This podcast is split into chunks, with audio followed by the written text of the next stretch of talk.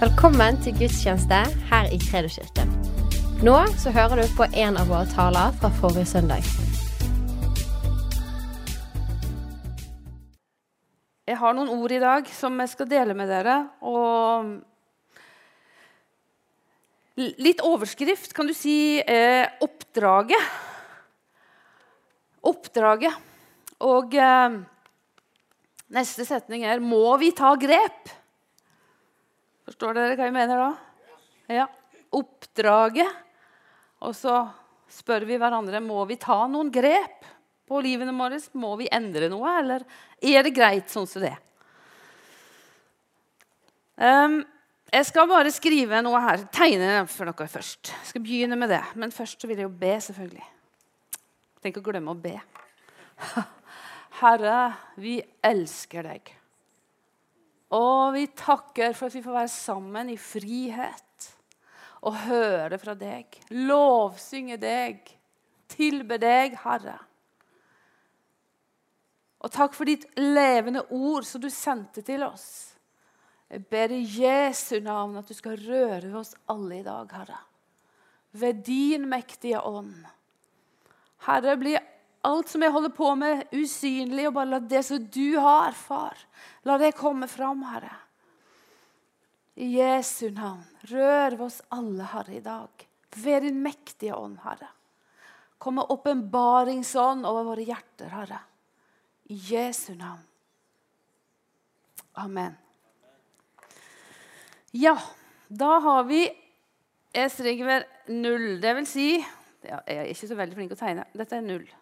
Dette vil si eh, når du ble født. Så tegner vi en tidslinje, og her er du faktisk død. Død. Uff a meg. Det var ikke veldig fint skrevet. Klarer dere å se det her? Den var for liten. Skal vi se. Vi skal skrive litt større. Åh. Sånn. Skal vi se. Det, blir, det, er ganske oppmuntrende, men dette er jo bare virkeligheten, dere. sant? Eh, her, her er du født. Her er du død. Er, dette er livet ditt her på jorden. Ikke sant? Mitt og ditt liv. Her er du 50 år. Og eh, her er du 25, sånn cirka. Så er det 75. Ja, da lever du til du er 100, men det var kanskje litt vel drøyt. Jeg skriver 80 her, da. Det går jo litt saktere Det går jo litt saktere på slutten av livet, ikke sant? Så sier 80. ja. Her har vi ett år, eller noe sånt. Og utover. Ja. Um, jeg eh, blir 59 år nå, så jeg er Skal vi se, her er 60. Jeg er her. Jeg skriver meg sjøl her. Tanja. Så dette er mitt, min livslinje. Her er jeg i, i, denne reisen her. Jeg vet jo ikke om jeg får uh, leve helt til 80, men jeg er kommet dit. Og jeg har i levd til de, fra der og hit. Mer enn 90? Ja, ja, OK. Jeg kan riste meg til 180. Ja, absolutt. Um, så må jeg må få opp Jeg snakket med noen her. Må de komme opp. Og Da skal jeg ha de aller yngste her her borte, og de eldste her. Og Da vet du sjøl hvor du skal stå. Nå skal vi se her om alle er lydige som jeg snakker til. Ja, der kommer de. Får ikke håpe jeg har glemt noen generasjoner her. Plasser deg etter alderen din, sant? Det blir kanskje litt avslørende, så her, men Ja, du er kanskje eldst. Ja. Da skal du stå her. Du blir bare her sånn. Ja. Så Ja, nå, nå diskuterer de alderen her, altså. Så OK. Du er 70, 75, så da blir det her. Gyril. GY skriver jeg. Gyr. Um, det er egentlig Jeg bare ønsker at du skal tenke over Nå skal jeg preke over dette, men jeg bare demonstrerer dette. Kan du bare få opp de bildene på skjermen? Jeg ønsker bare at du skal tenke nøye igjen. Hvor er du hen i tidslinjen din? Nei, det var feil. Det skal være de med alle, alle aldrene. Skal vi se om de kommer opp. Ja, der, ja. Så den kan bare gå. Jeg vet, Du skal tenke igjennom hvor er du hen. Sånn. Ja, jeg, tenker, altså, jobber med dette sjøl. Jeg er nå fem, blir fem, jeg er 58. Man får sagt ikke 59, 58. Så jeg er kommet hit. Uh, og jeg vet at jeg og du har et oppdrag. Vi har et eller annet som vi skal gjøre her. Og vi er på god vei, alle. sant? Vi holder på med noe. Men noen ganger i livet så må vi ta et steg tilbake og altså tenke Hva er det egentlig jeg holder på med? Hva er det egentlig jeg holder på med? Fordi timene, årene, går. Altså, det stopper ikke opp.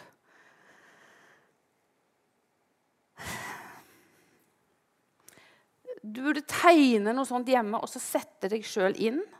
Og så får du et perspektiv, et evighetsperspektiv. For de tar, det tar faktisk slutt en dag. Og da er det for sent. Så det vi skal gjøre, må vi gjøre mens vi lever. Mens vi er her. Vi må være til stede mens vi er her. Og vi er jo frelst. Sant? Vi har tatt imot Gud i våre liv. Og han skal vise oss veien. Det har han lovt.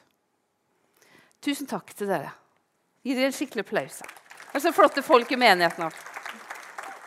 Hjertelig takk. Vi skal bare høre litt grann, Jeg bare låne denne mikrofonen her. Fordi vi må ha noen vitnesbyrd. Jeg må ha tid til det. Vi har, eh, vi har bedt mye her. Fordi mannen hennes har vært eh, alvorlig syk. Og det har skjedd noen mirakler.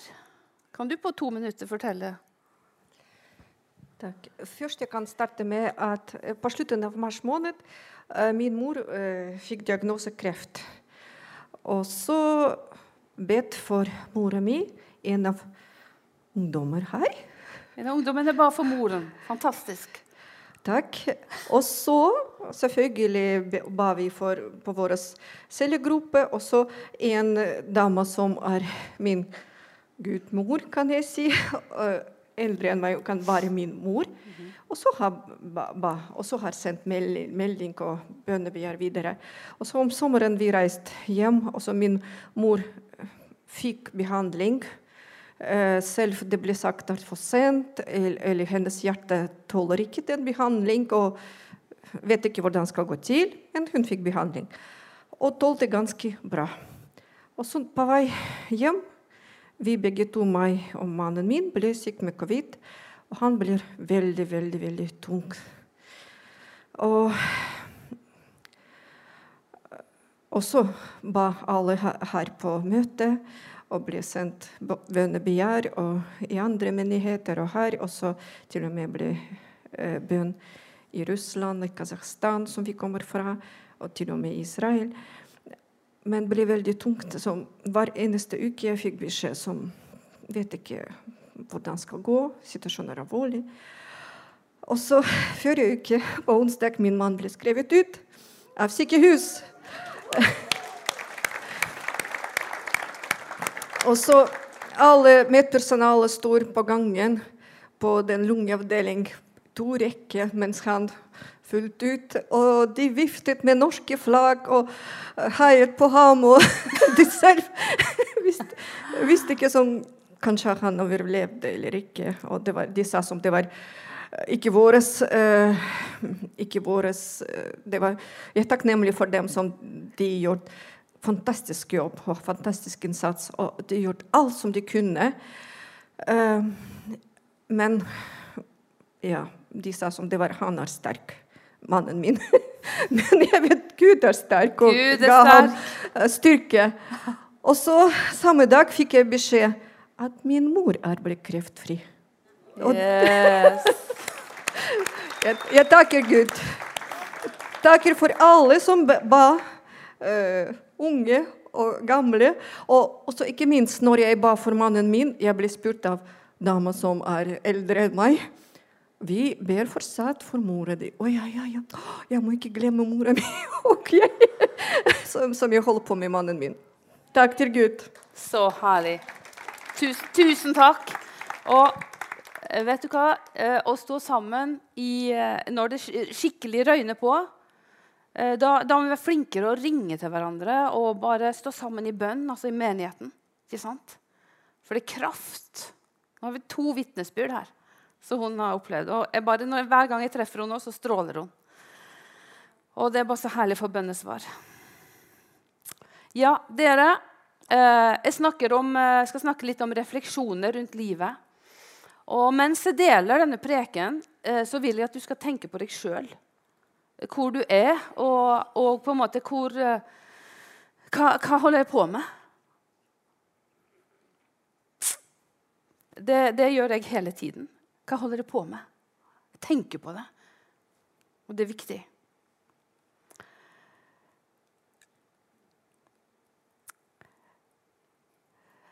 Så hvordan disponerer vi eh, tiden vår, livene, pengene? Når vi er på jobb, på skole? Hvordan disponerer vi kirken vår? Hvordan disponerer vi familien, vennene våre? Hvordan, hvordan lever vi egentlig livene våre? Det er jo et eh, kjempestort tema. Og Jeg skal jo ikke gå innom hver eneste en av de, men jeg tror i løpet av denne prekenen så, så skal du få noen ting som Den hellige ånd kommer til å peke på og si dette kan du korrigere litt, Tanja. Dette kan du endre litt på. Sånn at du kommer deg ut av den, det, det lille sidesporet. For du trenger å komme deg inn på hovedveien her, og sånn at du, du holder på med det som du skal. Korrigeringer fra Gud er egentlig veldig fantastisk. Så vi er alle i forskjellige sesonger. Og jeg husker jo eh, ungdomssesongen min. Eh, jeg var så brennende for, for Herren. Jeg skulle ikke gifte meg, jeg skulle ikke ha unger. Jeg hadde ingen tid til sånt. Og, og, og, så det var liksom Det brant som bare det. Gud velsignet meg med mann og barn, og takk og lov for det. altså. Så gikk jeg inn i en fase eh, med, med unger og veldig mye jobb med de, og de slukte meg 100% altså.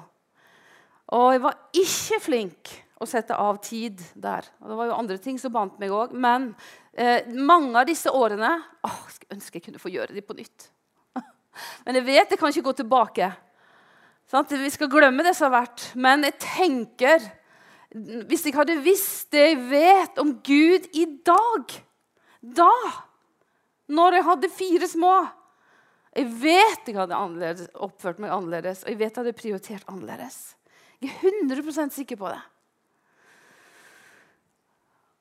Og det er så dumt å angre på ting ikke sant? Når, liksom, når livet er over, så, og, du, og, eh, og, du ligger liksom Du skal trekke dine siste pust, så er det helt normalt da, at du, du går og du grunner Du tenker faktisk gjennom hva brukte jeg disse årene til? Hva, hva gjorde jeg egentlig med dette livet som Gud ga meg? Og frelsen? Hva gjorde jeg med det? Og når du ligger og skal dø, så er det for seint. Da er tiden gått. Og Derfor så roper jeg ut et budskap nå. Fordi nå, nå er dagen nå er dagen til å tenke igjennom hva gjør jeg egentlig og, og noen, og Du kan kjenne liksom, ja, men jeg gjør det jeg er kalt til, og jeg, eller jeg vet ikke hva jeg skal gjøre. eller noe som helst. Men jeg skal gi deg noen nøkler igjennom preken som kanskje vil hjelpe deg, sånn at du får håp. For det er ikke meningen at du skal bli deprimert og, og håpløs. av denne preken. Det er meningen at du skal få håp og tro på Gud. For han er så mye større enn deg. For vi lever livene våre så menneskelig. Men Gud er så mye, mye større enn oss. Og vi må inn i hans rike mere. Guds rike må vi inn i. Så står det jo i Sjøl om vi har det travelt, så er det ett bibelvers. og Nå tenker jeg på dere som har barn, og dere som er kjempetravle. Så står det jo i Matteus 6, 33 så står det Søk først Guds rike, så skal få alt det andre i tillegg. Ordet 'søke' er et, eh, nøkkelord i evangeliet. Og det betyr vet du hva det betyr? Det betyr 'søk stadig'. Det betyr ikke ja, jeg tar meg en stund nå, jeg. Så får jeg ordne opp sjøl med alt dette. Nei, søk stadig, betyr det her. Stadig. Til også, nei, det kommer min, min oversettelse. Eh, til en avhengighet og kjennskap til Gud er etablert i livet ditt til en avhengighet av Gud og en kjennskap til Gud. En grunnvoll i livet ditt er etablert. Inntil da, Du skal jo fortsette å søke hele livet, ikke du skal stoppe. Men det er noe som skal etableres. Og hvis du har jojoen opp og ned, så skal du søke til grunnvollen er etablert. Og forholdet med ham er så etablert du ikke rokkes. Så du vet, livet her på jorden eh, Vi har et, et, et hovedoppdrag. Og vet du hva det er? Det å bli kjent med Gud. Det å bli kjent med Han. Og Vi tenker ja, men vi kjenner Han. Jeg leser Bibelen min, jeg ber mine bønner, jeg er på møter. Ja, men kjenner du Han? Kjenner du Gud? Og det kan jeg tenke mange ganger. Å, Gud, jeg kjenner deg ikke. Jeg, må kjenne deg. Altså, En sånn lengsel inni her til å kjenne Gud. Jo mer jeg lengter etter å kjenne Han, jo mer åpenbarer Han for meg. Men når jeg stopper opp og tenker ja, men jeg, jeg vet alt, jeg. Jeg kan Bibelen på rams. Nei, men Du må kjenne Gud etter hjertet, ikke etter hodet. Kunnskapen ånd, kan slå ånden i hjel. Fordi det må synke ned her. Dette hjertefellesskapet som du må kjenne Gud. Du vet, Han vil at du skal bli kjent med hans natur. Og hans natur Wow, for en natur Gud har. Den så vi når Jesus kom på jorden. Da viste han oss hvem han egentlig var. Så det er bare til å lese evangeliene. Og så kan du begynne å speide etter hvordan var du, hvordan er du, Gud? Les evangeliene, så ser du akkurat hvordan Gud var, og hvordan Gud er. For Jesus speilte Gud. Og når vi får denne lengselen her, og den blir bare et skrik og et rop dag etter dag igjennom dagene og du roper og du roper fra ditt indre. Det kan være stille i munnen, men du kjenner en sånn dyp, dyp lengsel etter å kjenne Gud.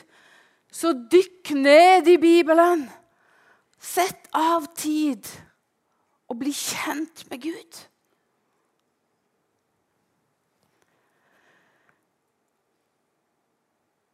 Når vi er kommet til himmelen, da er det for sent, dere.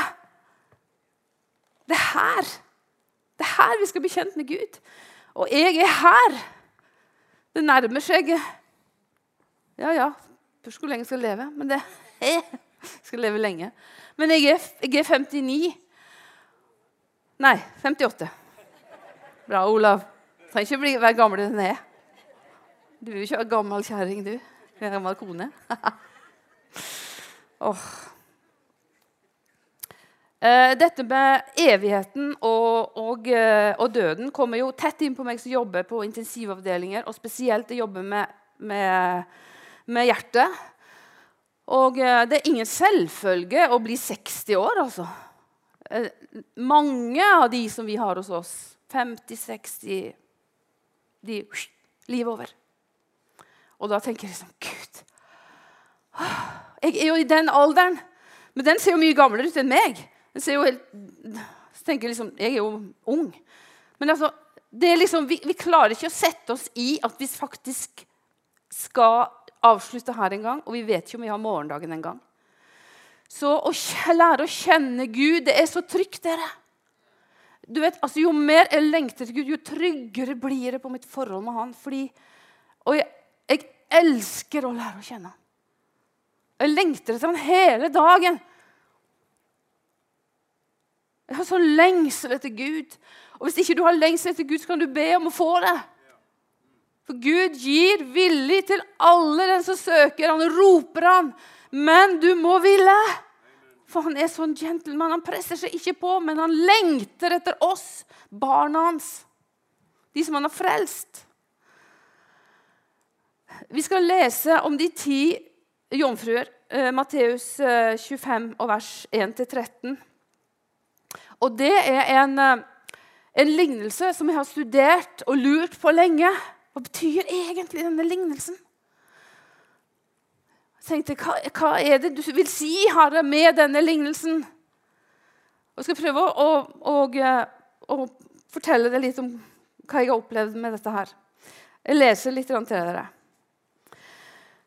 Da skal himmelriket sammenlignes med ti brudepiker som tok oljelampene sine og gikk ut for å møte brudgommen. Fem av dem var uforstandige, og fem var kloke. De uforstandige tok med seg lampene sine, men ikke olje. Men de kloke tok med seg kanner med olje sammen med lampene. Da de trakk ut før brudgommen kom, ble alle trette og sovnet.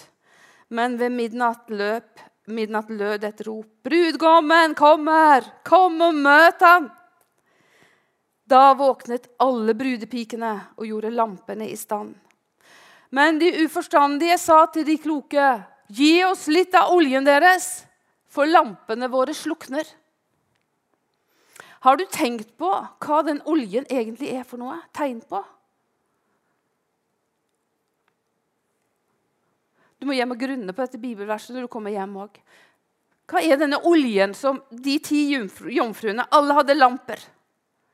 Men bare fem av de hadde kanner med olje. Og når jeg har studert dette gjennom eh, forskjellige skrifter og, og sånn, eh, leksikoner og, så, Og det, det, høres egentlig helt riktig ut. Så, så den oljen, det er de som kjenner Gud. De som har et fellesskap med Gud. De som lever med Gud hele tiden. Fordi alle sammen sovnet, ikke sant? Og de, de var kristne i navnet, alle sammen. Alle ti. Og de tenkte at deres sak var i orden med Gud, men de fem andre de hadde ikke det fellesskapet. Det var bare i ordet eller i handlingene. Men hjertet var en helt annen plass. Så roper de til de som hadde livet, så sier de 'La meg få olje av deg', sier de. La meg få. Men nei, så sier du må gå og kjøpe, sier de. Så de kan jo ikke gi fra seg relasjoner. Relasjoner kan ikke deles. Altså Når du er gift med noen, så har du det ekteskapet, og det er ditt. Så det går ikke an til, Mitt forhold til Gud kan ikke jeg overføre til Aron. Eller Richard kristenlivet, personlig liv med Gud. Og du og jeg tar valg om vi vil leve der eller ikke. Og Det skremmende er at i mange mange menigheter rundt om i hele verden og overalt, så er det mange som går og tror og tenker at den er ja, på veien, men den lever ikke livet. Fordi en kjenner ikke Gud. Og Det er derfor vi må bli kjent med Gud, så du vet at du er frelst. og blir du trygg i din grunn. Ikke sant? Nei, svarte de kloke. Det blir ikke nok til både oss og dere. Gå heller til kjøpmannen og kjøp selv. Mens de var borte for å kjøpe, kom brudgommen. Og de som var forberedt, gikk sammen med han inn til bryllupet, og døren ble stengt. Senere kom de brudepikene som sa, 'Herre, Herre, lukk opp for oss.' Og så Hvorfor kom ikke de inn, de fem andre? Har du tenkt på det? Hvorfor kom de ikke inn? Alle var på veien og skulle vente på brudgommen. Hvorfor kom de ikke inn? Så sier Jesus, har svaret sjøl. Det står i Bibelen, ikke Jesus sier det. det står i vers 12. Jesus sier, 'Jeg kjenner dere ikke', sier han. Det er jo litt alvorlig, ikke sant? Og, og noen ganger så må vi bare ta livets alvor innover oss.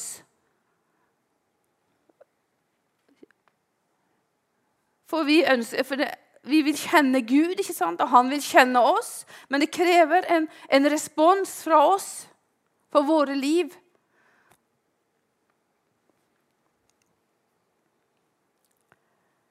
Så sier han i vers 13.: Så våg da, for dere kjenner ikke dagen eller timen.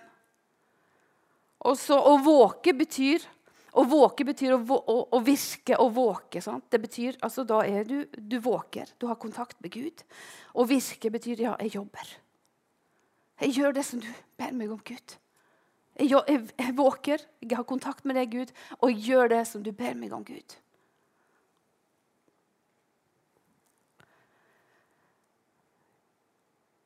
For det evige livet det begynner jo når vi blir frelst. sant? Det begynner her. Og I Johannes 17, 3 så står det at dette er det evige liv, at de kjenner deg, den eneste sanne Gud. Vi må kjenne Gud og Han du har sendt, Jesus Kristus. Johannes 3, 16, For så høyt har Gud elsket verden at han ga sin sønn den enbårne, for at hver den som tror på han, ikke skal gå fortapt, men ha evig liv. Og det evige livet begynner nå. Det evige, er nytt for deg, så er det sånn. Det evige livet begynner når du ble frelst. For da begynner du å ha kontakt med Han som er herre over liv og død. Han som har kalt deg.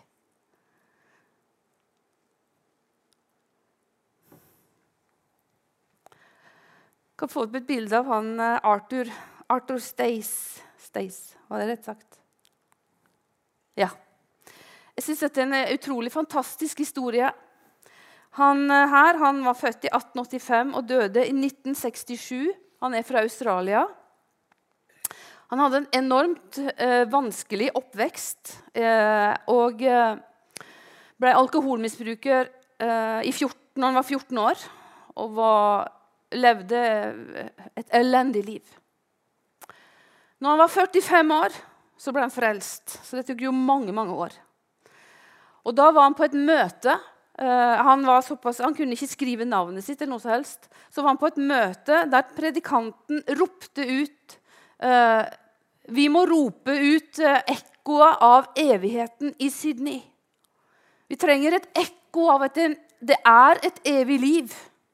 Så, så, så ropte denne predikanten det ut. Og eh, han her, da hadde han, eh, da hadde han, kommet til Gud og var liksom begynt på veien. Og da på en måte så falt han på en måte litt sammen etterpå. Og så bare plutselig så, så tok Gud hånden hans, og så skrev han 'Eternity' akkurat så nydelig som det der, uten å ha kunnet skrive sitt eget navn. Og han ble helt forvandlet. Og eh,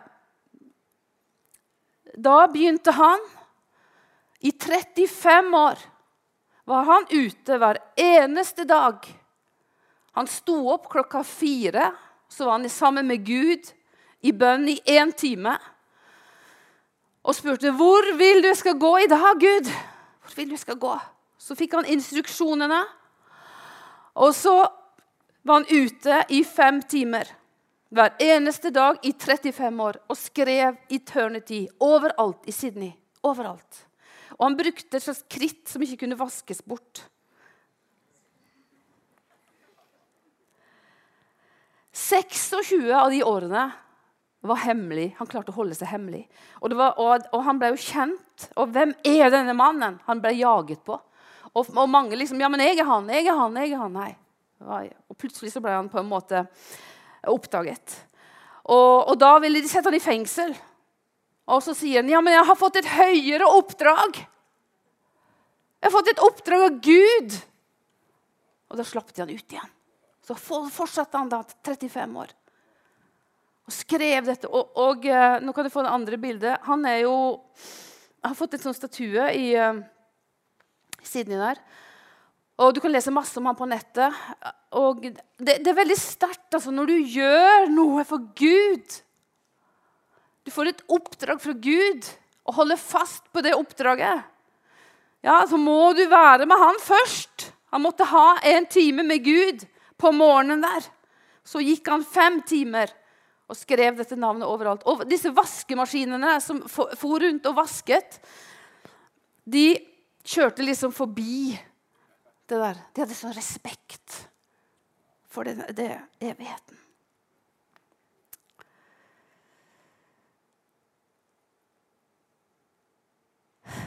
Du vet, Når vi lever her på jorden, så har vi muligheten for å kjenne Han. Det er en mulighet Gud gir oss. Det er en mulighet. Og det er ikke et krav, det er en mulighet. En, en, et, et, forslag. Eller Gud sier 'lær å kjenne meg'. Og Derek Prince han skrev, har skrevet mange bøker. Han har skrevet disse her bønnekortene som jeg har solgt så mye av. Og Han har reist over hele verden, og han sier noe som jeg driver og leser en bok satt til side av Gud. Så sier han noe at han har besøkt 49 nasjoner. Og eh, så sier han at eh, ingen, omtrent ingen kirkesamfunn opplevde han at det var jag etter en sann hellighet. Jeg må bare grunne når jeg hører sånt, for jeg tenker åh, Offer og selvfornektelse det var, det var, borte. Og det skjedde noe, det har skjedd noe i disse årene med oss og med, med verden. Ikke sant? Så kanskje vi må stå opp og ta grep. Hvorfor er jeg egentlig så irritert og negativ på så mange ting? Er det noe som må ordnes opp her? Det står i Hebreerne 12, 13 så står det 'strev etter fred med alle og etter helliggjørelse'. For uten den skal ingen se Gud. Jeg kan bare få opp synden. synten. Strev etter helliggjørelse, for uten den skal ingen se Gud, står det. For meg har en egen definisjon på helliggjørelse, og den liker jeg veldig godt. Den er så enkel. Helliggjørelse kan være litt sånn komplisert. Hellig. Hvordan skal jeg klare det? Det er jo helt håpløst. Ja, jeg vet jo at det er kjøpt og betalt og blodet strøket. Når Gud ser meg, så ser han, ser han Jesus. Det er jo fundamentet i evangeliet.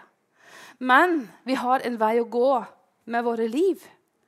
For det skal jo komme ut den samme refleksjonen. Ikke sant? Så min definisjon på å leve og helliggjørelse er å, å, handler om å leve i lyset med livet mitt. Jeg vil leve i lyset med livet mitt. Det er veldig enkelt. Husk det. Skriv det ned. Jeg syns den er så god, jeg. Bekjennelse av synd. Ja, vi må. Ja, vi må ikke, jeg sier ikke vi må, men det er så mye bedre hvis du går inn i det. Hvis du velger å være ydmyk. Det er et valg. Det kan koste deg litt. Men når du kjenner at du blir renset og du, 'Jeg har sagt sånn og sånn, jeg har gjort det, og det må rense meg.' Å, takk, Jesus, for du renser meg. Og Det er det vidunderligste som fins. Og du bare kjenner du kommer enda nærmere Gud og bare Åh, det er jo der det må være hele tiden.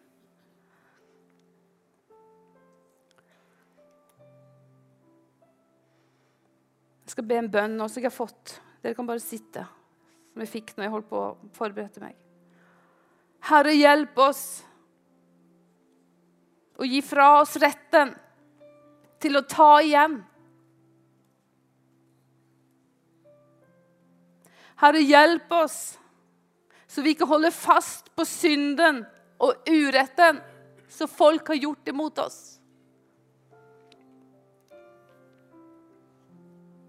Herre, hjelp oss å leve i konstant tilgivelse. Konstant tilgivelse. Herre, takk for du er den hjelpeløses hjelper.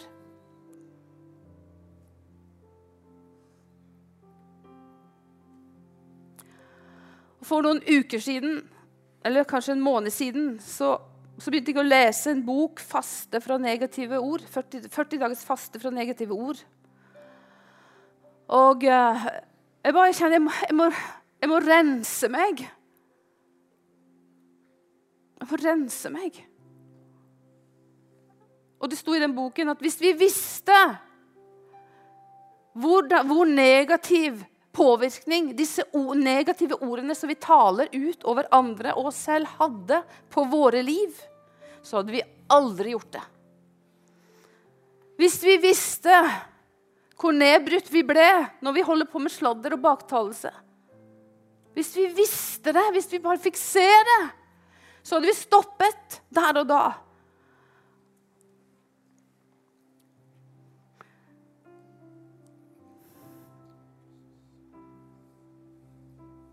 Olav hjelper meg, sånn, så er jeg liksom hjemme innimellom. Og så Nei, men Skulle ikke du faste fra negative ord, da, Tanja? Jo! Å, selvfølgelig. Takk. Altså, vi må hjelpe hverandre. Jeg har sagt det til meg flere ganger. Jeg skal drikke litt vann på den.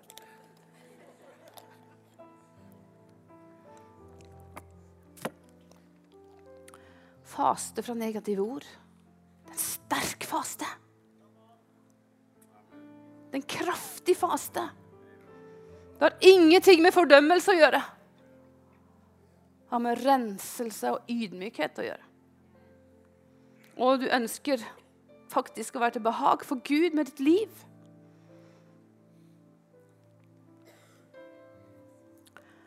Ordspråkene 4.23 er jo mitt vidunderlige vers så står det 'Bevar ditt hjerte framfor alt du bevarer'. Hvorfor? Hvorfor?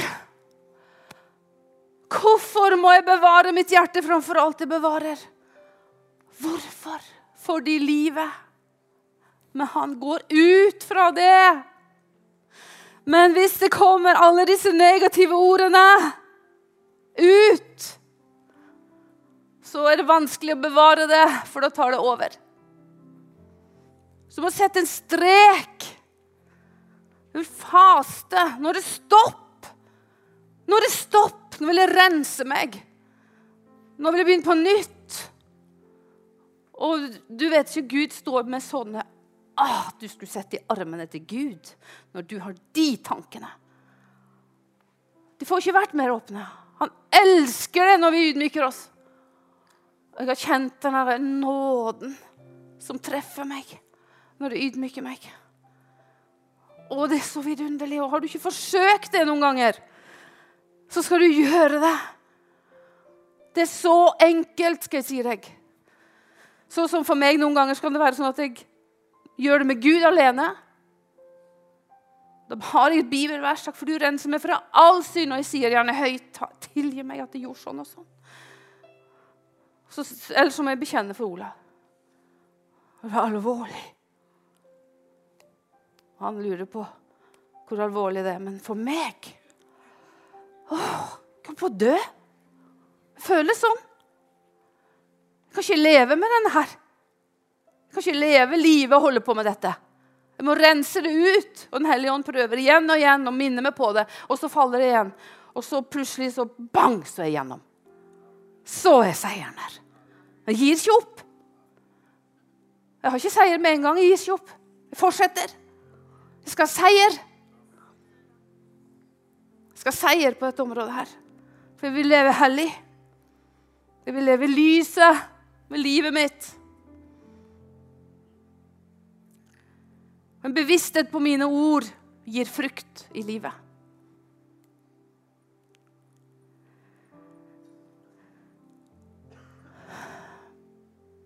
Død og liv er i tungens makt, og de som elsker den, skal ete frukten av den, står det. Og Jeg har hatt en sånn øvelse på bibelskolen, for jeg har tatt dette inn i bibelskolen. Og da har jeg liksom Ta, ta fingeren din på munnen, og så Husker du kanskje, så skal jeg lese to, to bibelvers. Først et hva negative ord kan gjøre, og hva positive ord kan gjøre. Og I ordspråkene 12-18 så står det tankeløs tale kan være som hoggene fra et sverd. Vil vi holde på å hogge hodet av hverandre her? Eller stikke sverdet i hverandre. Det er det som skjer med negative ord som tales ut. Det er ånden. Det treffer oss.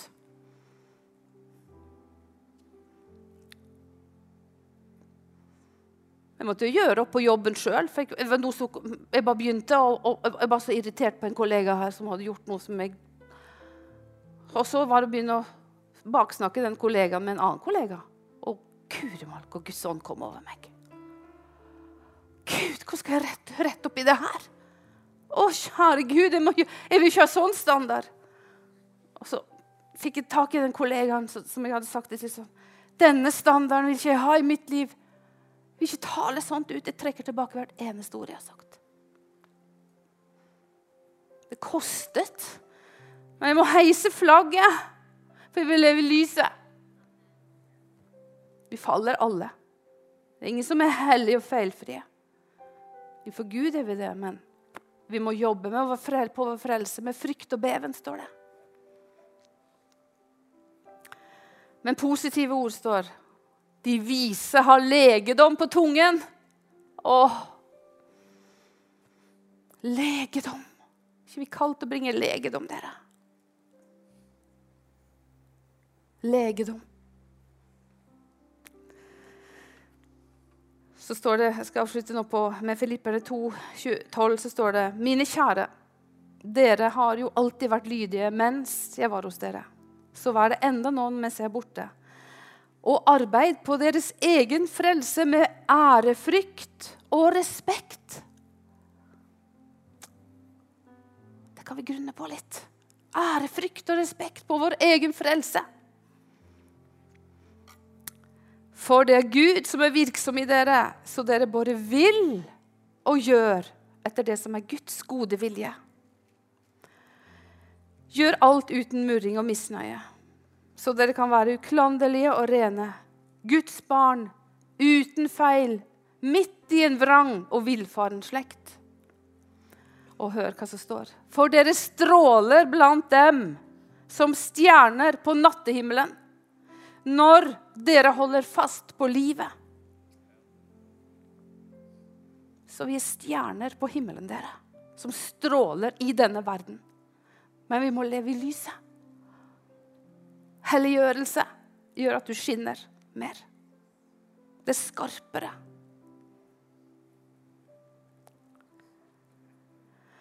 Og tre nøkler som hjelper meg, og som jeg merker har hjulpet meg, eh, det er på en måte å, å bare ha det rommet med Gud. Skape den plassen hjemme og holde fast på den. Så går du tilbake til den plassen med Gud hele tiden. Du lever du i lyset. Jeg vil ikke sitte ned på bønnerommet mitt og holde på å snakke om negative ting. Det hører jo ikke hjemme der i det hele tatt. Når jeg kommer inn der, så vil jeg tilby Gud. Og bøye meg for Han.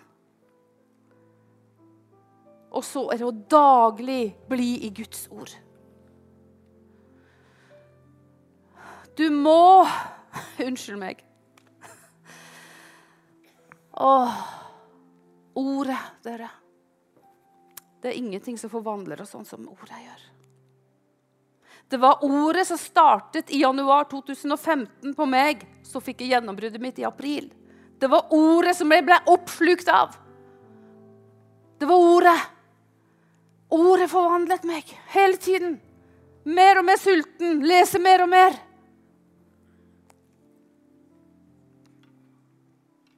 Og så vandre i tilgivelse. Jeg kjenner mine egne synder, som jeg har sagt.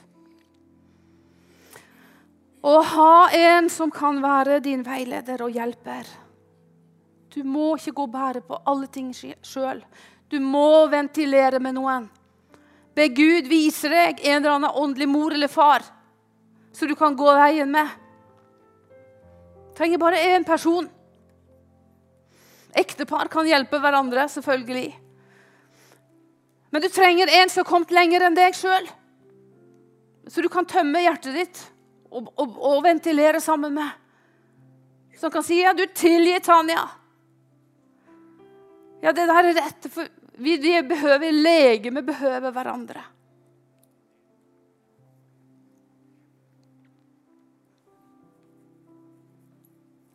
Skal vi reise oss?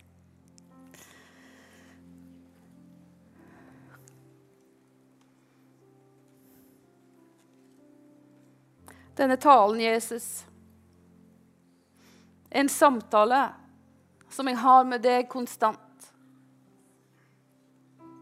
Denne talen, Jesus, er livet mitt hver eneste dag.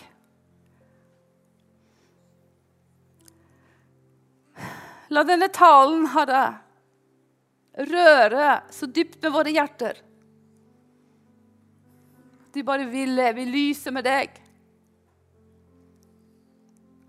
La denne talen føre oss til at vi vil lære å kjenne deg på skikkelig. For du er den eneste sanne guden. La denne talen, Herre, åpenbare deg i våre liv. Jeg ber om det i Jesu navn. Jesu Kristi navn. Hvor vi er, Herre, i vårt liv, ung, middel, småbarnsforeldre, alt, utdanning Hvor vi enn er, Herre. I våre liv, Herre, i våre, våre livs, livslinjer, hvor vi er, Herre. La oss leve i lyset, Herre, med våre liv, så vi hører hyrdens røst. Oss i lyset, Herre.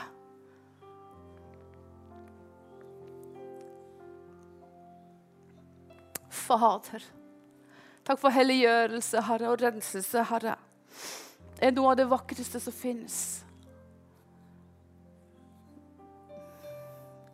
Det å vandre med deg, Herre, i frihet, Fader. Det fins ikke en større intimitet med deg, Herre, når vi blir kjent med deg, Herre. På dypet av våre liv, Herre. Og takker deg for vi får være lys hvor vi enn går, Herre. På våre arbeidsplasser, på våre skoler og i våre familier. Og i kirka, Herre, skal vi få være lys for hverandre, Herre.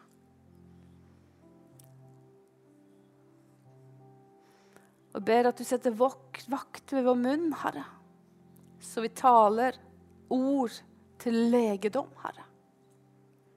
Og taler ord som bygger opp, Herre.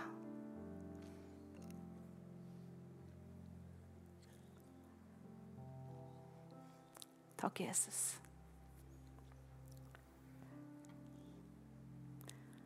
La oss få stråle ditt evige lys. Og la ditt lys, din duft fra evigheten, lyse rundt oss, Herre.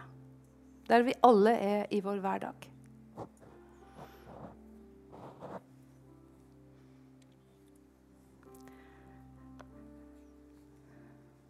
Jeg vil at du skal tenke gjennom dette budskapet. Og gjerne høre det en gang til.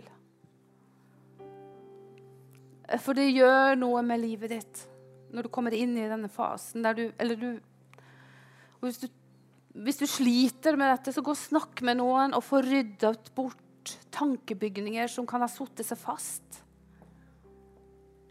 Ikke gå ut eller gå herifra hvis du på en måte sitter fast i noe, men ta en prat med noen. Og husk at du, Jesus står sånn når du kommer. Og han dømmer aldri oss. Han sier alltid 'du er tilgitt'. Du er tilgitt.